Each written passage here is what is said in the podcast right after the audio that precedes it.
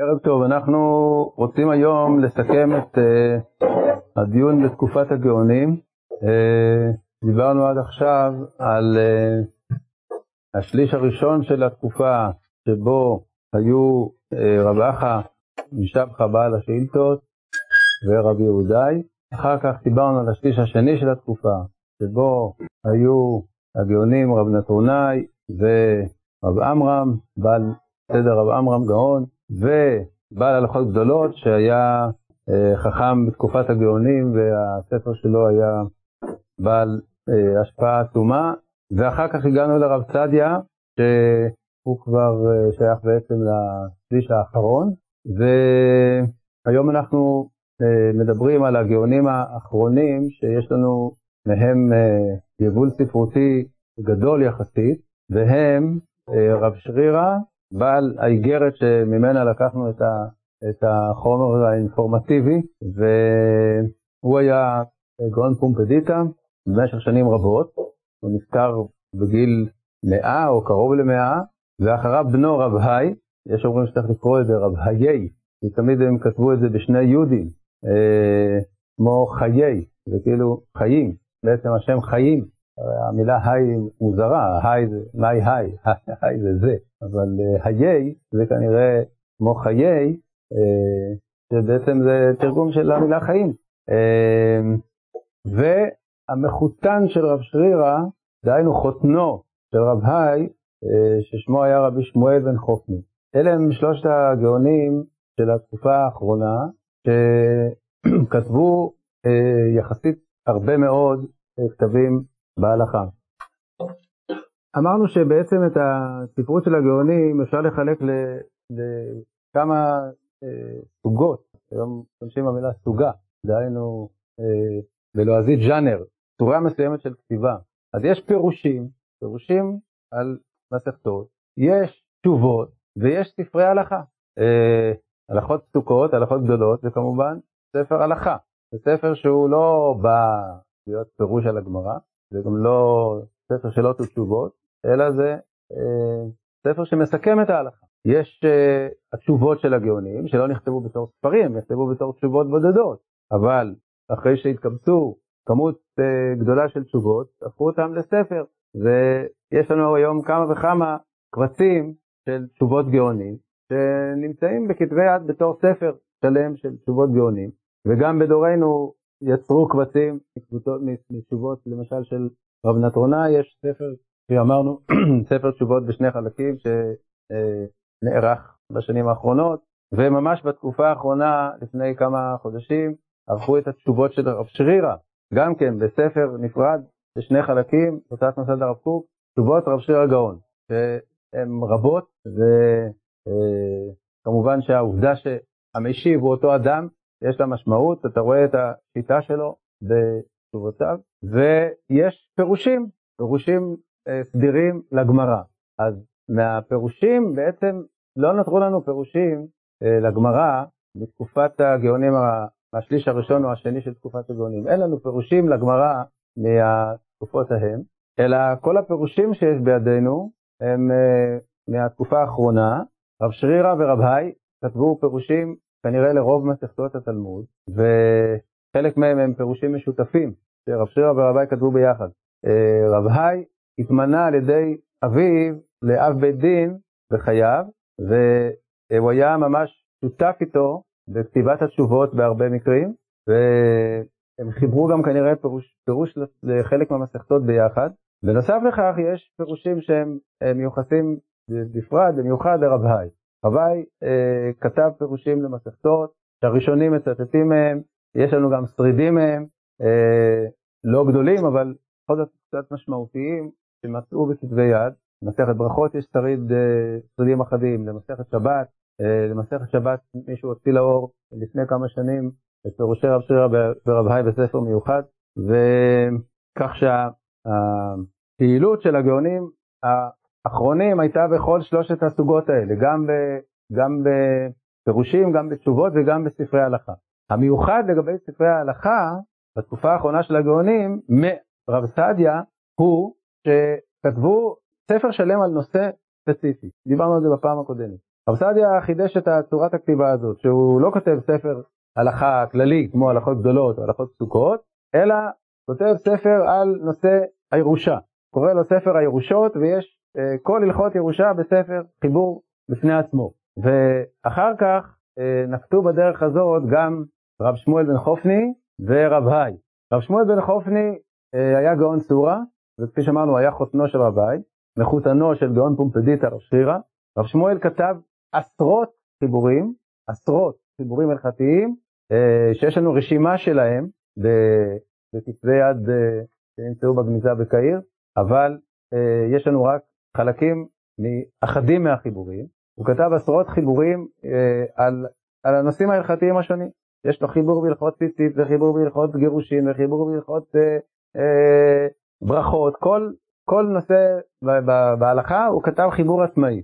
הוא העריך בכתיבה, הביא את הלשון של הגמרא ודן בהלכה שעולה מהגמרא, כך שזה ספר בפני עצמו על כל נושא.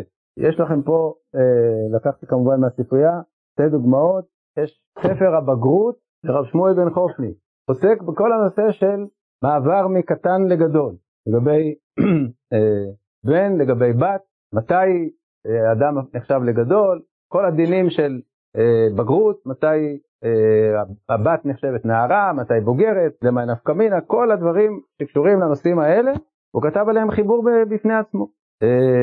אה, החיבורים נכתבו בערבית, כפי שאמרתי, מרב סעדיה התחילה להיות שפת הכתיבה בערבית של ספרי הלכה, כי זה היה, זאת, זאת הייתה שפת הדיבור ושפת הלימוד ושפת התרבות בשליש האחרון של תקופת הגאונים. מה שאין כן בשני השלישים הראשונים עדיין כתבו בארמית, וההבדל הזה הוא כמובן משמעותי, כי ספרים בערבית פחות אה, נפוצו, פחות הגיעו לידינו, מפני שהארצות שלא דוברות ערבית לא, לא שימרו אותם בכלל. אה, אחד מהספרים של הרב שמואל בן חופני, ספר הגירושין, יצא לאור על ידי ידידנו הרב שטמפר, שלומד פה בישיבה, אה, באופן, באופן יפה מאוד, כפי שאתם רואים, ספר הגירושין. הוא היה צריך לפענח כתבי יד בערבית ולתרגם אותם, ויש פה אוצר בלום, מפני שכפי שאמרתי, רב שמואל מצטט גמרות, והרבה פעמים עצם זה שהוא מביא את הגרסה של הגמרא זה כבר חידוש. היא יכולה להיות שונה מהגרסה שלנו, ולהאיר את עינינו בסוגיית הגמרא. אה, וכפי שאמרתי, הרב שמואל חיבר עשרות חיבורים. יש איזו הערה ביקורתית של המאירי בהקדמה שלו במסכת אבות, שהוא כותב על הספרים של רב, רב שמואל בן חופני כאילו שהוא הטריח כאילו יותר מדי, שהספרים שלו כתובים באריכות גדולה, וכאילו זה משהו יותר מדי אה, כבד, יותר מדי ארוך, והיה אפשר להבין מזה כאילו שהוא לא כל כך מחשיב אותם, אבל צריך לדעת שהרמב"ם החשיב את הספרים של רב שמואל והוא מצטט אותו בתשובות, וזה נדיר. הרמב"ם כמעט שלא מצטט חכמים קודמים בתשובותיו, ויש uh, כמה מקומות בודדים שהוא מצטט, וביניהם את רב שמואל בן חופני בחיבור הציצית, והוא כאילו אומר, הנה, ככה כתב רב שמואל בן חופני, ואפשר לסמוך על זה להלכה. אז כך שזה, כל מה שמוצאים מהכתבים האלה זה, זה דבר גדול. אחד מהדברים המיוחדים שרב שמואל בן חופני כתב זה מבוא התלמוד. הוא כתב ספר מבוא התלמוד, שבו הוא גם כן באריכות ובהרחבה עוסק בכללים, איך, איך התלמוד אה, בנוי, כללים של פסיקת הלכה, אה, סדר אה, החכמים וכל מיני דברים שהם כמו מבוא לתלמוד, שזה ספר בפני עצמו ונשאר לנו ממנו רק שריד, לא קטן כל כך, יצא בפני עצמו בספר מבוא התלמוד של רב שמואל בן חופני. אז לגבי רב שמואל אנחנו יודעים על חיבורים הלכתיים בנושאים ספציפיים. לגבי רב שרירא אנחנו יודעים בעיקר על תשובות ועל פירושים, לא יודעים על ספרים שהם חיבורים הלכתיים. לגבי רב היי, אה, היה מי שכינה את רב היי אחרון הגאונים בזמן וראשונם במעלה. ככה אה, היה מקובל להתייחס אל רב היי. הוא היה הגאון האחרון, בפטירתו של רב היי בשנת 1038 למניינם למעשה נסתיימה תקופת הגאונים, כי שנתיים אחר כך סגרו את הישיבה, 1038 נפטר רב היי, ב-1040 נסגרה ישיבת פומפדיטה ולמעשה בזה נסגרו שתי הישיבות, כי סורה נסגרה כבר לפני כן, קצת לפני כן, באותה, תחילת אותה מאה, מאה ה-11, ורבי היה למעשה אחרון הגאונים, אבל כפי שאמרנו, היו שקראו לו אחרון הגאונים בזמן מראשונם במעלה. דבר חשוב לדעת, הריף, שהוא מזכיר את הגאון, זה רבי. הגאון בריף זה רבי. וחזין על הגאון זה רבי גאון. אה, ואכן רבי גאון כתב ספרים מכל שלושת הסוגים, גם פירושים למסכתות, גם תשובות רבות וגם ספרי הלכה. ספרי הלכה של רבי הם מפורסמים בעיקר שני ספרים שלו, אולי היו יותר, אבל שניים הם מפורסמים, שהראשונים הכירו אותם ומצטטים אותם, הם ספרים שתורגמו לעברית כבר בזמן קרוב לזמנו של רב היי, וכך הם נודעו לכל חכמי ישראל גם באירופה. אחד הוא ספר המקח והממכר, שבינתיים זאת המהדורה הטובה שלו, אני אומר בינתיים כי יש תוכנית, ואני מקווה שהיא תצא לפועל, על ידי אנשים מהישיבה שלנו, בראשם אה, הרב טמפר, שרוצים להדיר מחדש את הספר המקח על פי כתבי היד המצויים בידינו בערבית, במקור, פלוס כתבי יד של התרגומים. זה עוד לא נעשה עד היום, הדבר הזה זה, זה תרגום קדום לספר המקח, והוא עוסק בדיני מקח וממכר, בדיני מכירה, וזה כולל כל הנושא של קניינים, כל הנושא של אה, הרבה מענייני אה, ענייני אה, סדר נזיקין וחושן משפט כלולים בספר הזה, והראשונים מצטטים אותו ב, ב, במקומות רבים ועצומים. הספר השני הידוע הוא משפטי שבועות, זה יצא כבר לאור עם החלקים בערבית ועם אה, תרגום. הספר הזה הוא גם כן מצוטט הרבה מאוד בראשונים, כי היה לו כבר תרגום עברי קדום. אלה הם שני הספרים המפורסמים בהלכה של רבי, ספר המקח וממכר, ספר משפטי שבועות, וכאמור, הוא כתב גם פירושים לתלמוד שיש לנו מהם שרידים ויש הרבה ציטוטים מהם בראשונים, וגם אה, סוגות רבות. בזה למעשה אנחנו אה, מסיימים את תקופת הגאונים. בבקשה. לא שמעתי, מאיזה טעם, מה? אה, מה קרה שם שסגרו את הישיבות? אה, אני לא יודע בדיוק לענות על השאלה הזאת, אבל אין ספק שזה קשור לעניינים מדיניים. כלומר, זה לא היה עניין פנימי, זה היה עניין של uh, השל... היחס של השלטונות. כי סך הכל uh, הישיבות, היה להם מעמד uh, רשמי. הריש גלותא הייתה משרה רשמית שהשלטונות הכירו בה, והיו עליות ומורדות ביחס אליה, כי היו תקופות שממש רצו לעצר את רגלי היהודים וגזרו אפילו שמד ככה הוא כותב רב שרירא על תקופת הסבוראים, ואחר כך הייתה תקופה של פריחה, בעקבות הכיבוש הערבי, הכיבוש הערבי דווקא היטיב עם היהודים, וכנראה שבשלב הזה של אמצע המאה ה-11 אה, חל איזה שינוי ביחס של השלטונות, וזה גרם לזה שהצרו את רגלי היהודים והידלדלו גם המקורות ההכנסה וגם ה... נו, זה עניין אקטואלי, כן, עכשיו אה, עשו איזה אה, קיצוצים בתקציבים של הישיבות, אז חס וחלילה יכולות להיסגר ישיבות בגלל זה. זה לא, באמת לא, לא, לא פשוט.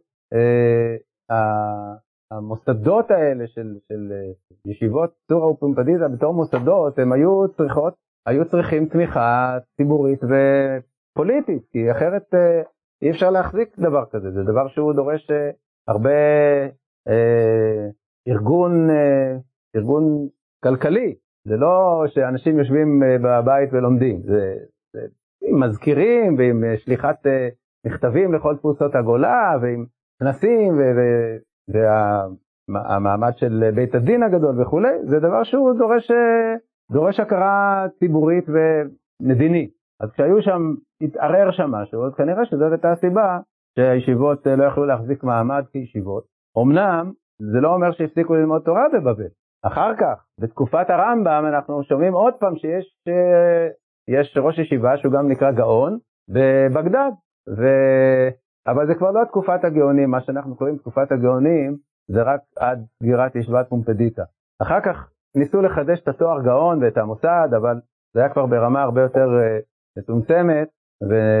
ולא כמו בתקופת הגאונים, שבאמת הייתה לגאונים איזה, איזה הגמוניה רוחנית שהתפשטה אם לא על פני כל עם ישראל, אבל לפחות רוב עם ישראל. רוב עם ישראל, דהיינו, התפוצות של ארצות אה, אגן הים התיכון, ודאי שהיו תחת השפעת הגאונים, ואפילו צרפת ואשכנז אה, הכירו בסמכות של הגאונים ושלחו לגאונים שאלות לפעמים, היה לה, היה לה גאונות, מוסד הגאונות בבל היה מעמד כאין, כאין המעמד של תקופת האמוראים, אם כי צריך לסייג את זה, כי הרמב"ם למשל בהקדמת משנה תורה ובהקדמת המשנה הוא עומד על כך, וגם בתשובות שלו הוא עומד על כך שאין בעצם שום אה, מעמד מיוחד לחכמי בבל של תקופת הגאונים לעומת חכמי ארצות אחרות. הוא קורא לכולם גאונים, גם לאלה שעמדו בצרפת ובספרד הוא קורא גאונים, והוא אומר שאין אה, סיבה להעדיף את אה, גאוני בבל על פני גאוני ארצות אחרות של אותה תקופה, של סוף תקופת הגאונים. אה, אבל אה, זאת הייתה עמדה של הרמב"ם וחכמים אחרים לא התייחסו לזה כך, חכמים אחרים התייחסו שהגאונים הם אה, כן במעמד מיוחד, דבריהם דברי קבלה וכולי, אבל זה, זה באמת שייך לתקופה שאנחנו עתידים לדבר עליה בעזרת השם בזמן הבא, לתקופת הראשונים. אנחנו נתחיל בזה היום כי יש לנו עוד כמה דקות ונזכיר שכבר בימי אחרוני הגאונים בבבל היו חכמים בעלי שיעור קומה בארצות אחרות. בעלי שיעור קומה במובן הזה שהם היו ברמה הלימודית וההלכתית המקבילה לגאונים, לפעמים גם לא היו כפופים להם באופן מעשי כי לא היה ביניהם קשר, ויש לזה משמעויות אה, הלכתיות כפי שאנחנו נראה. אה, למשל באשכנז בתקופת אה, רב שרירה היה רבנו גרשם מאור הגולה. רבנו גרשם מאור הגולה חי עוד לפני סוף תקופת הגאונים, ותקנותיו התקבלו באשכנז, בכל ארצות אירופה, לא פחות חזק, אולי יותר חזק מאשר תקנות הגאונים בבבל. אז כך שיש לזה בהחלט אה, משמעות. הראשונים שאנחנו נעסוק בהם בתחילה יהיו מהאגף של צפון אפריקה, ספרד, כי הם היו בקשר ישיר עם הגאונים, בעיקר חכמי צפון אפריקה. היה, הייתה מסורת של אה, קשר מכתבים, קשר איגרות, בין בבל לבין אה, טוניס ומרוקו, בעיקר טוניס, שם הייתה קהילה יהודית חשובה ביותר בשם קיירוואן, ששם אה, ישבו חכמים גדולים, וגם במרוקו ובאלג'יר היו חכמים שהיו להם קשרים ישירים עם הגאונים, ובספרד אה, היו גם כן כאלה שאפילו חיו עוד בתקופה יותר קודמת מאשר, אה, מאשר אה, תקופת שרירה ורב שרירה והרב היי, כמו, נדמה לי שהזכרנו אותו, רבי אלעזר אלוף, שהיה מחכמי ספרד בתקופת, ממש אמצע תקופת הגאונים, שהוא קיבל תואר אלוף מהישיבה בבבל, אבל החכמים הראשונים שיש לנו מהם ספרות הלכתית, ספרות תורנית, הם באמת חכמי צפון אפריקה, וראשם רבנו חננאל ורבנו ניסים, שהם שני חכמי אה, טוניס שהיו אה, בסוף תקופת הגאונים ועמדו בקשר עם, אה, עם אחרוני הגאונים, עם רב שרירא ורב היי. אז אנחנו נדבר עליהם בצורה מפורטת בעזרת השם בשיעור הראשון בזמן הבא. אם יש עוד שאלות לגבי תקופת הגאונים, אז זה הזמן לשאול. בבקשה. לא, לא, זה, כפי שאמרתי, זה, זה סיבות, סיבות אה, פוליטיות ו, וכלכליות. נכון, כי ברגע ש... המוסד נסגר, אז ממילא זה הביא לדעיכה, ממילא זה הביא לזה שפחות אנשים, פחות אנשים יכלו להגיע למקומות תורה, כי מקומות התורה העיקריים האלה כבר לא היו, אז זה כבר היה תלוי יותר ביוזמה אישית, וממילא זה הייתה, חלה הידלדלות, ההידלדלות הזאת, אה, כפי שאמרתי, בימי הרמב"ם, שזה בערך אה, 100 שנה אחר כך, עדיין לא הייתה קריטית, עוד היה בבבל והיה בבגדד עוד, אה, הייתה ישיבה והיה לימוד תורה, אנחנו יודעים שיש חכמים מבבל שקשורים לרמב"ם בצורה זו או אחרת, אבל עוד מאה שנים יותר מאוחר נעלם בכלל לימוד התורה, לפחות מה שידוע לנו, מבבל, למשך מאות שנים. מאות שנים שאין חכמים ידועים בבבל, בארצות, בארץ הגאונים, מבערך 200 אה, שנה אחרי סגירת הישיבות. אחר כך מאות שנים שהיו בהם חכמי תורה בכל הארצות, מבבל אנחנו לא שומעים על אף אחד. כלומר שהיה פה, הירידה הזאת, ההידלדלות הזאת יכולה להגיע לממדים מאוד אה, חמורים, אבל זה תלוי, ב, תלוי בנסיבות היסטוריות, גם העובדה שבאשכנז פרחו ישיבות זה בגלל, בגלל סיבות היסטוריות מסוימות, שיהודים הגיעו לשם, או הוגלו לשם, או הועברו לשם, וממילא התחילו שם לפתח חיים יהודיים ולהקים ישיבות, ואחרי שהיו שלוש ישיבות גדולות באשכנז, אז אשכנז הפכה להיות מקום תורה עיקרי, וכך לגבי תפוצות אחרות, כן.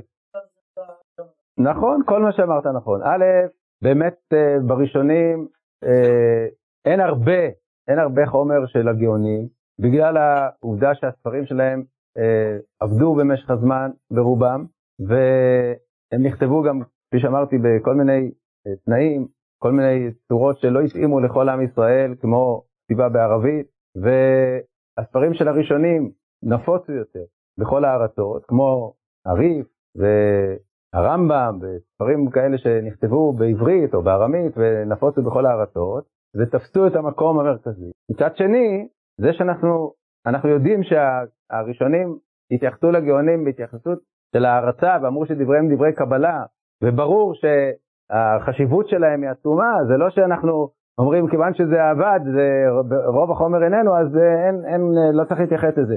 זאת, זאת, זאת חוליה, חוליה עיקרית בסודות ההלכה, בין, בין הגמרא לבין הראשונים. ואם אנחנו היום מוצאים דברים, ובאמת יש הרבה דברים שמתחדשים, ומגלים, אז ודאי שיש לזה חשיבות גדולה מאוד. אתה מוצא היום אה, דברי גאונים שלא היו ידועים בדורות הקודמים, ואתה רואה שיטות בהלכה שמחזקות אה, עמדה מסוימת, אז ברור שזה זה דבר בעל ערך עצום, ואפשר גם להתחשב בזה להלכה. זה, יש הרבה מקרים שבהם אה, אפשר לסמוך בהלכה על, על דברים שמוצאים, כמו שגם בראשונים עצמם, אז היו ראשונים שלא היו ידועים עד התקופה אה, האחרונה, וגילו את כתביהם, וכשגילו את כתביהם אז מתחשבים בהם.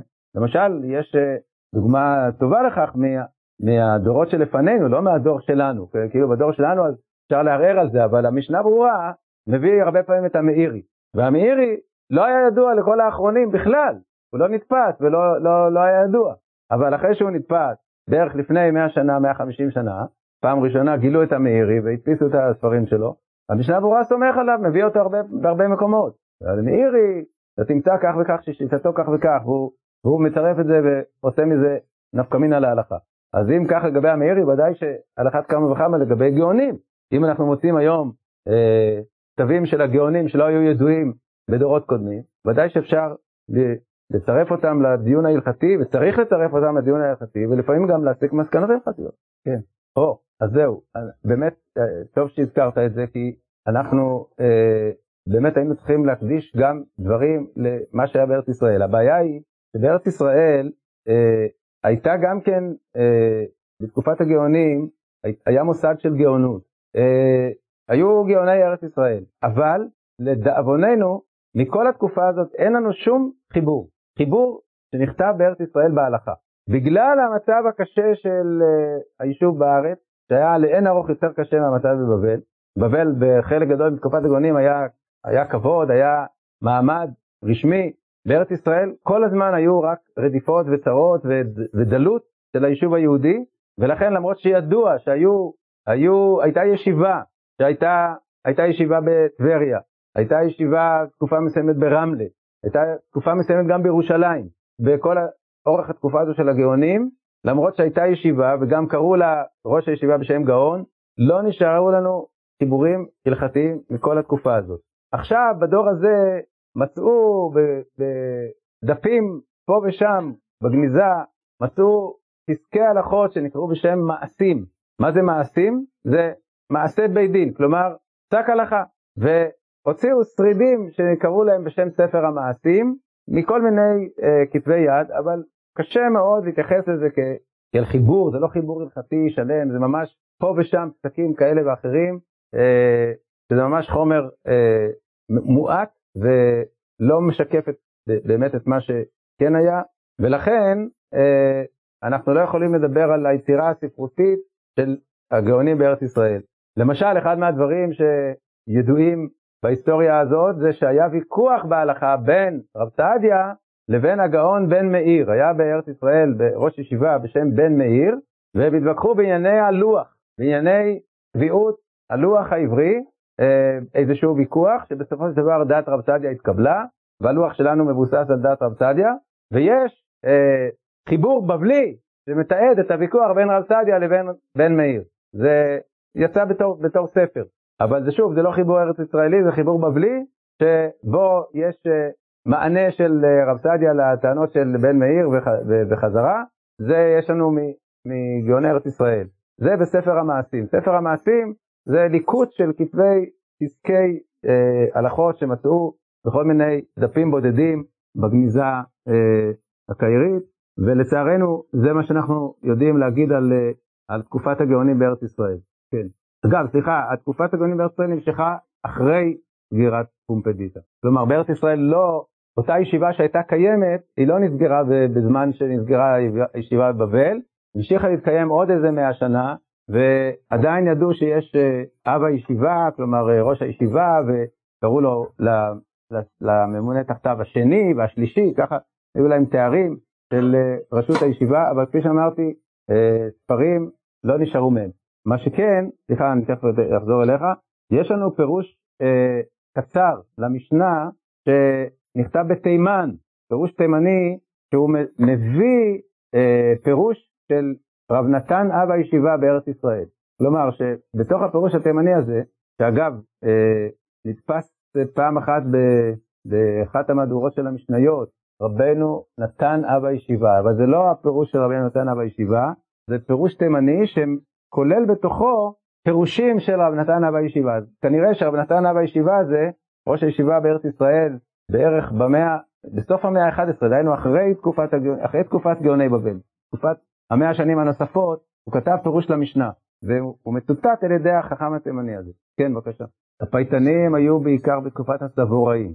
הפייטנים הגדולים, שאנחנו מכירים ויודעים את הפיוטים שלהם, דהיינו רבי אלעזר הקליר וריינאי ופנחס, הם היו בתקופת הסבוראים. יותר קרוב בתקופת האמוראים ולא בתקופת הגאונים, והפיוטים שלהם זה כמובן אוצר בלום, אבל זה בתחום האגדה. משלבים בפיוטים אה, הרבה דברי אגדה מהירושלמי, מבראשית רבה, ויקרא רבה מהמקורות הארץ ישראלים, אבל זה לא חיבורים הלכתיים. כן. אה, אני לא זוכר בדיוק את השנה, אבל כנראה איזה 20 שנה לפני פומפדיטה, תחילת המאה ה-11. כן.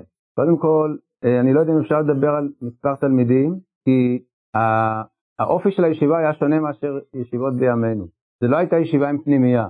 זה לא היה מקום שבו אנשים חיים את כל ה-24 שעות. זה היה בית מדרש שהיה פתוח לקהל וכמובן אה, שהתלמידים הצעירים היו נמצאים שם יותר והמבוגרים שהיו עסוקים בפרנסה היו נמצאים פחות, אבל בתקופות מסוימות כל הבעלי בתים היו באים, כל ה... כל ה בירחי כלה, בתקופות שלפני אה, ימים נוראים, לפני ראש השנה ולפני פסח, היו יושבים אלפים, ככה מתועד. אלפים היו יושבים בהיכל של הישיבה, והיה פאר, פאר, פאר מאוד גדול, זה היה מעמד מלכותי כזה, הגאון היה יושב כמו בראש הסנהדרין, ומצידו יושבים אה, חכמי הישיבה, כלומר הרבנים, והיו לפעמים שואלים שאלות מהקהל, או שהיו ש... קוראים שאלות שקיבלו בכתב מקהילות אחרות, והגאון היה אה, עונה על השאלה. ודורש בפני הקהל וכולי. כל, כל הסדר היה שונה מאשר, מאשר מה שאנחנו מכירים היום כישיבה. אבל יש להניח שגם כל ימות השנה ישבו צעירים בבית המדרש הזה של הגאונים. כמה היו, אני לא יודע אם אפשר לדעת. אני יודע שעל ירחי כלה כתוב שהיו אלפים. בבבל? לא, בעולם ודאי שידוע, זה הרי אמרנו שבגרמניה, באשכנז, הוקמה ישיבת מגנצה כבר בתקופת רב שרירה, והיו שם כמה דורות של חכמים גדולים, בראשם אה, רבנו גרשם מאור הגולה, זאת הייתה ישיבה לכל דבר, והיו גם ישיבות בצפון אפריקה, אה, בקיירואן, ובמרוקו, ובאלג'יר, כל המקומות האלה היו ישיבות, אבל בבבל עצמה, אה, מה שידוע זה שתי הישיבות, חוץ מאשר החריג הזה שאמרנו בקשר לרב עמרם, שכנראה הקים עוד ישיבה בחיי אה, קודמו, בחיי רב נטרונאי, ועוד ישיבה אה, מחוץ סורה, ואחר כך כשרב נתונאי נפטר, הוא מונה לגאון סורה.